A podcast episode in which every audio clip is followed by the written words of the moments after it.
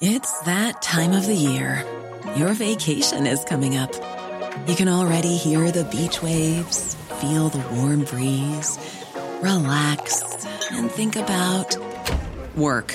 You really, really want it all to work out while you're away. Monday.com gives you and the team that peace of mind. When all work is on one platform and everyone's in sync, things just flow wherever you are. Tap the banner to go to Monday.com. Hey, it's Danny Pellegrino from Everything Iconic. Ready to upgrade your style game without blowing your budget? Check out Quince. They've got all the good stuff shirts and polos, activewear, and fine leather goods, all at 50 to 80% less than other high end brands. And the best part? They're all about safe, ethical, and responsible manufacturing. Get that luxury vibe without the luxury price tag. Hit up quince.com slash upgrade for free shipping and 365 day returns on your next order. That's quince.com slash upgrade. I'm Sandra, and I'm just the professional your small business was looking for. But you didn't hire me because you didn't use LinkedIn jobs. LinkedIn has professionals you can't find anywhere else, including those who aren't actively looking for a new job, but might be open to the perfect role, like me. In a given month, over 70% of LinkedIn users don't visit other leading job sites. So if you're not looking on LinkedIn, you'll miss out on great candidates like Sandra. Start hiring professionals like a professional. Post your free job on linkedin.com/people today. Du lytter til en podcast fra TV2.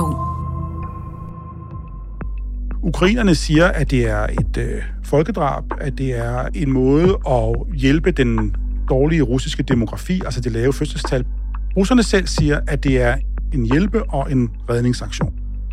I marts udstedte den internationale straffedomstol en arrestordre på Ruslands præsident Vladimir Putin.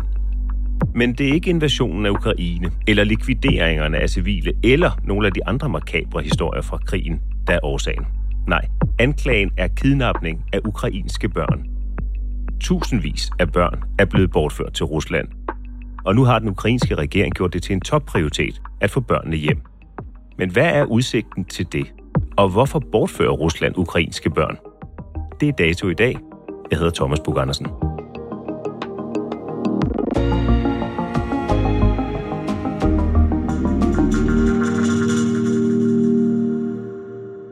Du er næsten lige kommet hjem fra Ukraine.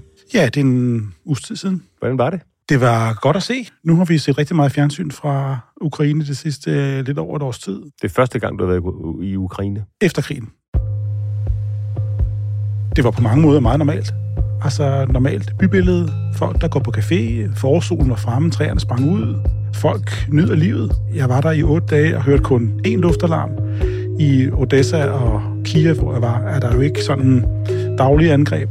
Så folk lever deres liv. Det kan lyde lidt kynisk at spørge, men er foråret kommet til Ukraine? Værmæssigt ja. Altså der var der i hvert fald. Det var en rigtig lune dag med, med jakken af og skjorten frem og sådan noget i, øh, i Kiev. Men krigen ligger jo som en, en, en, en tung, tung, tung skygge hen over alle folks øh, hverdag. Det er Martin Selsø, der sidder her i studiet. Velkommen til, journalist på øh, TV2's udlandsredaktion og øh, mangeårig udenrigskorrespondent. Du var overrasket, da du faldt, så at sige, over den her historie. Hvordan blev du opmærksom på den? Der kommer jo hver dag og hver uge masser af historier ud af Ukraine, og det er klart, at vi har jo tit fokus på det militære. Altså, hvad sker der med den front? Hvornår kommer forårsoffensiven? Hvem har overtaget i Bakhmut og sådan? Det forår og i Ukraine betyder det formentlig, at vi kommer til at se nye store slag i et ukrainsk forsøg på at jage de russiske besættelsesstyrker ud af landet. Den 1000 km lange frontlinje har stort set ikke rykket sig i fem måneder. Der har været hårde kampe omkring byen Bakhmut med betydelige tab, men Ukraine har lavet forstå, at landet vil sætte en forårsoffensiv i gang. Måske et forsøg på at skære det russisk kontrollerede område over i to.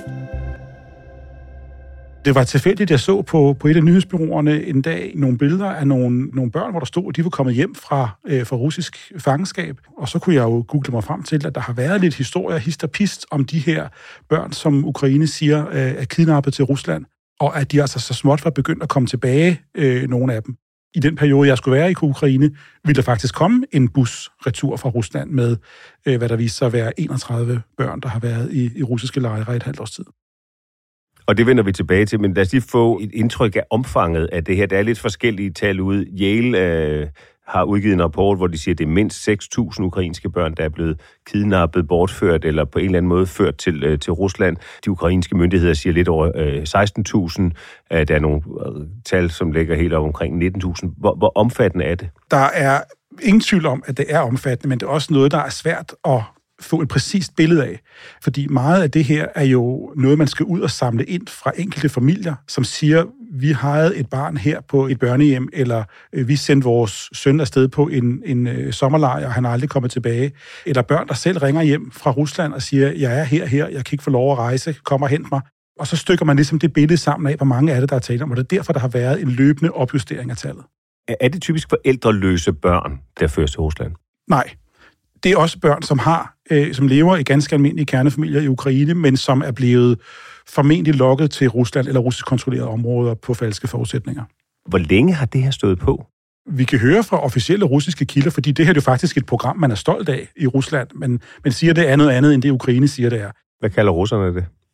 Jamen, de kalder jo de redder de her børn fra, øh, fra, fra krig og øh, fra øh, forældreløshed, øh, fra børnehjem i, i de områder, som de har erobret eller fået kontrol over som har været i fare, og nu er de så blevet bragt i sikkerhed i Rusland. Og allerede få uger efter krigsudbruddet kom de første meldinger om, at man havde reddet, som man sagde, nogle af de her børn. Da den internationale straffedomstol udsteder sin arrestordre på Vladimir Putin her i, i midten af marts, så er det faktisk for præcis det, Flere vestlige ledere bød det i dag velkommen, at den internationale krigsforbryderdomstol har udstedt en arrestordre på Ruslands præsident Putin og kvinden her ved siden af, den russiske børnerettighedskommissær Maria Jova Belova. De to er anklaget for tvangsadoption af et stort antal ukrainske børn. Børnene skal simpelthen være fjernet fra Ukraine og ført til Rusland. Kidnapninger af børn i Ukraine der står også et andet navn på den arrestordre, øh, nemlig Ruslands børnekommissær Maria Lovova Belova. Hvem er hun? Jamen, hun er blevet sådan lidt af en helgenfigur i Rusland. Hun er tidligere guitarlærer.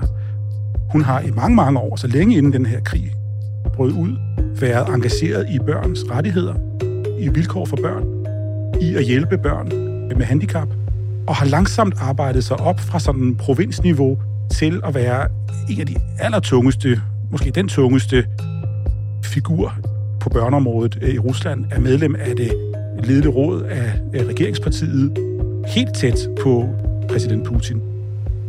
Så en meget central figur. Hun er konservativ, hun er religiøs, hun er gift med en præst, og inden krigen brød ud, der havde hun ni børn, fem biologiske børn og fire adoptivbørn hvis man skal se på det positivt, så er hun jo en, som virkelig har engageret sig i børnesag, og har taget ikke bare sagen til sig, men altså har hun så også taget på sig at hjælpe på et meget personligt og privat plan. Og jeg sidder med et foto her af Maria Levova Bolova. Hun sidder sammen med en anden. Prøv beskrive, hvad du ser på fotoet. Jamen, det er jo en meget køn kvinde. Hun ser meget venlig ud. Altså, man kan sige, at nogle af de andre russiske topfolk, de ser mere skurkeagtige ud. Hun ligner jo en, som også kunne have en høj stilling i en, en dansk NGO. Og ved siden af hende sidder så en 15-årig, som vi ved hedder Philip. Han er blevet hendes tiende barn, altså hendes femte øh, adoptivbarn. Hun siger, at han er fra Mariupol, altså en af de her byer, som Rusland har erobret fra Ukraine, som der var meget, meget voldsomme kampe om sidste år. I øjeblikket foregår de hårdeste kampe i havnebyen Mariupol, hvor russerne er tæt på at have kontrollen. I dag forsøgte Røde Kors at evakuere nogle af de mange civile, som befinder sig i den omringede by. Hendes fortælling om ham er, at han var forældreløs, hans øh, plejefamilie, hans plejeforældre døde af kræft, øh, og hun samlede ham mere eller mindre op på gaden ved et mere eller mindre tilfældigt møde i Mariupol, og tog ham med tilbage til Rusland og inkluderede ham i sin familie. Hun har beskrevet, hvordan det var lidt svært i starten. Der var lidt, lidt modstand. Han gik og sagde lidt pro-ukrainske ting og sådan, men hun har også lavet forstå, at de ligesom har fundet ud af det senere hen, og nu har et godt forhold. Og hvis man skal døbe efter det her billede, så er det et meget kærligt øh, moder-søn-forhold, som det bliver fremstillet på det her billede i hvert fald.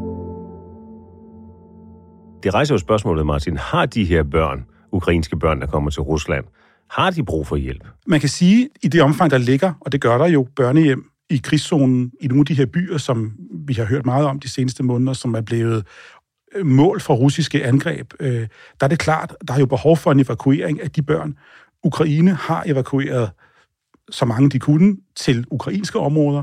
Nogle steder er de blevet overrumplet af russiske styrker, og der er det selvfølgelig også efter folkeretten okay at evakuere de børn til et sikkert område. Det, der ikke er okay, det er at tage dem hele vejen til Rusland. Altså det her er jo, de bliver jo taget fra ukrainsk territorium ind i Rusland, og så i nogle tilfælde adopteret, som jo for eksempel hun, hun selv har gjort her. Men kan russerne ikke have en god pointe i det, at de faktisk sikrer de her børn mod bombardementer og krig? Altså ifølge folkeretten må de ikke tage dem over grænser. Så skal de blive i sikre områder, og så selvfølgelig hurtigst muligt leveres tilbage til Ukraine og til de forældre, nogle af dem øh, har. Bliver alle børnene her taget mod deres vilje, eller er der opbakning fra deres forældres side i nogle tilfælde? Altså, jeg mødte en, Artem, som sagde, at han var blevet taget mod sin vilje. Han havde været på sin skole for at hente nogle eksamenspapirer. Russerne var kommet, havde tvunget ham med, og havde taget ham til Rusland, og der havde han været i cirka 6 måneder. Jeg mødte en anden, Bogdan, på 13 år, som kom fra den by, der hedder Kherson, som sidste efterår var, eller faktisk fra krigens start indtil sidste efterår, var under russisk besættelse. Han var voldsomt træt af krigen, hårdt påvirket af de kampe, der var omkring byen, den usikkerhed, der var, eksplosioner og brag. Så han hørte fra sin skole, at der var mulighed for at komme på en rekreationsophold på den russisk besatte Krimhalø, som jo kun ligger et par timers kørsel fra Kherson. Der bredte sig en lyst til blandt hans kammerater, vist nok drevet af hans lærer, til at man skulle tage derned sammen og så få et ophold, et afbræk fra krigen. Hans mor, Irina, fortalte mig, at hun først var imod det. Hun synes, det lød som en dårlig idé. Men presset af sin søn og, hvad kan man sige, opbakningen, måske også presset fra skolen, så endte hun med at sige ja. Og han blev så i oktober måned sendt afsted på en, øh, hvad der skulle være et 14-dages ophold. Altså han bliver tilbageholdt mod sin vilje, eller hvordan? De aftaler det et ophold på et par uger. Og da de uger så er gået, og Bugteren og hans kammerater skal vende hjem, så siger læreren, åh, øh, der er problemer, vi kan ikke, øh, vejen er lukket, vi kan ikke mulighed for at komme hjem, og sådan. Og øh, vi er nødt til at blive, og så går tiden, og så i midten af november, der falder Kherson tilbage til ukrainsk kontrol. Og så er det ligesom, at så går det fuldstændig i stå. Moren er i kontakt med Bogdan flere gange på beskedtjenester øh, på nettet. Han får tilsendt nogle videoer, siger han, fra sine brødre og sådan. Så der er sådan en, en sporadisk kontakt, men ikke nogen mulighed for, at øh, han kan få lov at vende hjem. Nogle af de ukrainske børn kommer altså i, i de her lejre, som du, som du det har beskrevet, sommerlejre, som udvikler sig hen over efteråret og, og vinteren. Et barn er kommet til den russiske børnekommissær. Hvor opholder de sig? Hvor bliver de ellers placeret? Dem, jeg har mødt, har været i sådan nogle lejr, lejrskole-agtige forhold. Bogdan siger, at han blev behandlet fint. Han fik udmærket mad, et godt ophold. Folk talte pænt til ham. Der var ikke noget russisk propaganda. Der var ikke sådan anti-ukrainsk stemning der i lejren, så han havde det sådan fysisk set fint at komme tilbage i god behold. Andre fortæller, at de har fået meget dårlig behandling, sovet uden sengetøj og uden madrasser, fået øh, dårlig mad, været udsat for øh, pro-russisk propaganda, altså anti-ukrainske slagord, fået at vide, at deres forældre havde slået hånden af dem, at de ville blive bortadopteret og sådan noget. Og så er der nogen, som vi ved, er blevet bortadopteret. Altså for eksempel ham, øh, Philip, som, som børnerettighedskommissæren selv har taget til sig, og hun har ligesom fortalt åbent, at, at andre har fået russisk pas og er blevet bortadopteret som russiske børn. Og, og taler vi børn i alle aldre, eller er det typisk teenager? Det er alle aldre. Det er helt ned til meget små børn. Jeg har også hørt beretninger fra forældre, der har mistet kontakt til børn med handicap. Børn uden sprog, som derfor er fuldstændig umulige at komme i kontakt med. Hvad har de ukrainske myndigheder gjort ved det? Altså, de ukrainske myndigheder har været på denne her sag i længere tid. Der er jo ikke nogen officielle kontakter mellem Ukraine og Rusland. Heller ikke, hvad det her angår. Der er ikke nogen forhandlinger mellem staterne, mellem regeringerne om det her. Så det foregår på privat niveau, altså at der er en organisation, Save Ukraine, som fra sag til sag, fra barn til barn, arbejder på at få dem frigivet. Og så skal man så over til Rusland og hente dem. Og der har børnerettighedskommissæren jo sagt, I kan bare komme og hente dem. Det, vi holder ikke nogen tilbage. I kan bare komme og tage dem, så skal vi nok frigive dem. Det er den mulighed der, de så benytter sig af. Men de siger også, så let er det ikke. Altså, vi får ikke altid lov at gøre det. Vi får også afvisninger, når vi kommer og prøver at dokumentere, at vi har krav på et barn her. Så det, Ukraine siger, at Rusland burde gøre, var, giv os en liste med alle de børn, I har, så skal vi nok finde forældrene og få dem udleveret. Men det har Rusland ikke gjort. Og som vi snakkede om tidligere, så er der nogle af dem, som faktisk er øh, kommet tilbage. En del af de børn er kommet tilbage til øh, Ukraine, men langt fra alle. Du overværede hjemkomsten af Bogdan, som du har fortalt om her, efter han havde været et halvt år i russisk fangenskab i virkeligheden. Hvad, hvad oplevede du? Det er påske lørdag den 8. april. Vi er i et ganske almindeligt boligkvarter i Kiev. Vi har fået at vide, at bussen vil ankomme fra Krimhaløen klokken 4, så vi er der i god tid. Og der står en kvinde på fortorvet og venter, tydeligvis spændt. Hun har to plastikposer med, og vi kontakter hende og spørger, om hun er en af dem, der venter på at få børn hjem i den her bus, og det er hun. Irina hedder hun, hun kommer fra Kherson, og øh, venter på sin søn Bogdan, som hun ikke har set i et halvt år. Jeg spørger, hvad hun har med til ham. Jeg kan se, at hun står med et eller andet, og hun har posen fuld af chokolade og slik. Han er åbenbart en slikmund. Bogdan, og han skal forkæles for det øjeblik, han springer ud af bussen. Hun har også en masse, hun skal sige til ham om, hvor meget hun elsker ham, og hvor meget hun har savnet ham, og hvor glad hun er for at se ham. Det har været seks måneders ængstelig venten, øh, og ikke, hun har ikke vidst før ret kort tid inden her, at han var på vej ud. Hun har ikke tur tro på, måske, at det ville lykkes, før hun faktisk ser ham komme, og hun ved, at han er, han er krydset ind over grænsen til, øh, til Ukraine. Og hvordan oplever du det så, da, da bussen ankommer? organisationen, der står for det her, vil ligesom gerne have børnene ud en af gangen og får ligesom kontakt til en mor og kalder på et barn ind i bussen og sådan. Men jeg lægger så mærke til, at øh, Bogdan der, han må have set sin mor inden for bussen. Han har ikke tænkt sig at vente på, at nogen organiserer noget som helst. Så han springer ud af øh, bagdøren og flyver lige armene på sin mor En kæmpe lang omfavnelse. Han siger, mor, mor, mor, mor, og ansigtene dybt begravet i hinandens hår og skuldre. En kæmpe, kæmpe lang omfavnelse. Og så...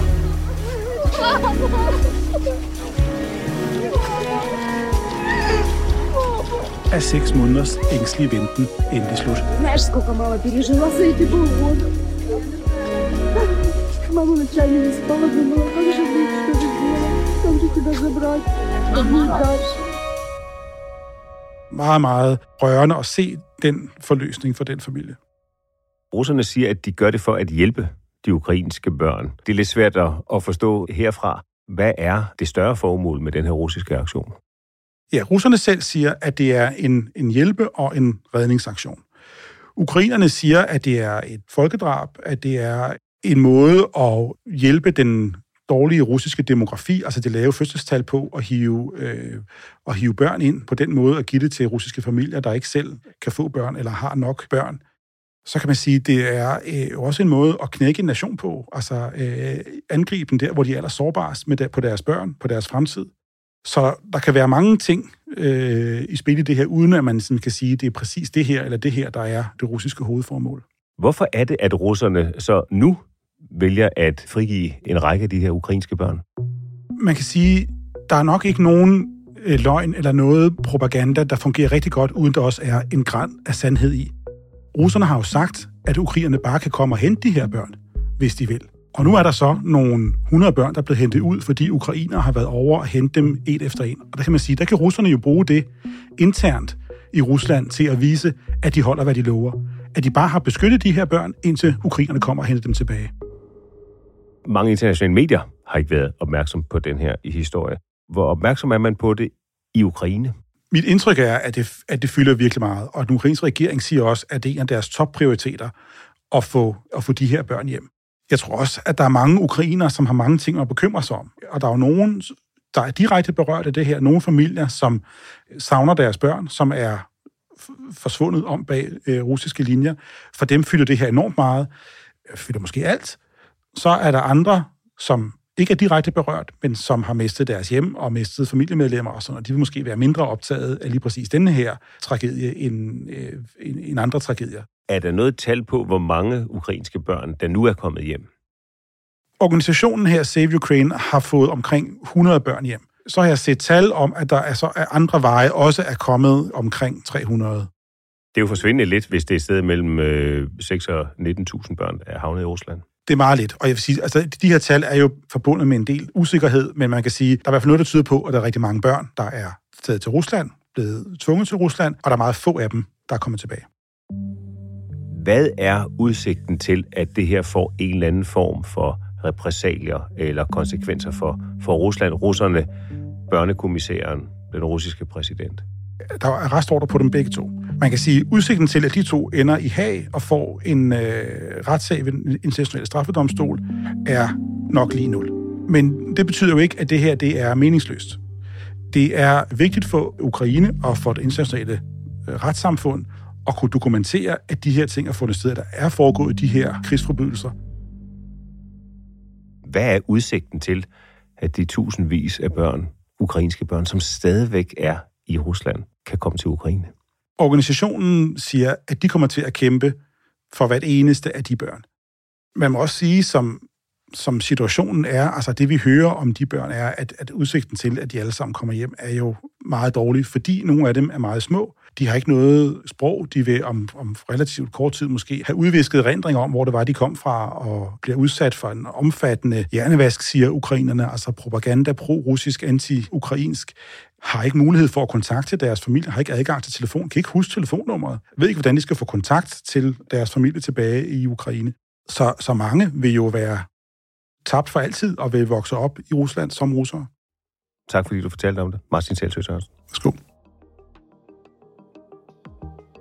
Der er nu mere end 100 episoder af Dato i vores arkiv. Det er Joachim Saxtorp Poulsen og Emil Laversen, der har tilrettelagt denne udgave. Lyddesign Leo Peter Larsen og Søren Valur. Redaktør Astrid Louise Jensen. Jeg hedder Thomas Bug Andersen. På genhør.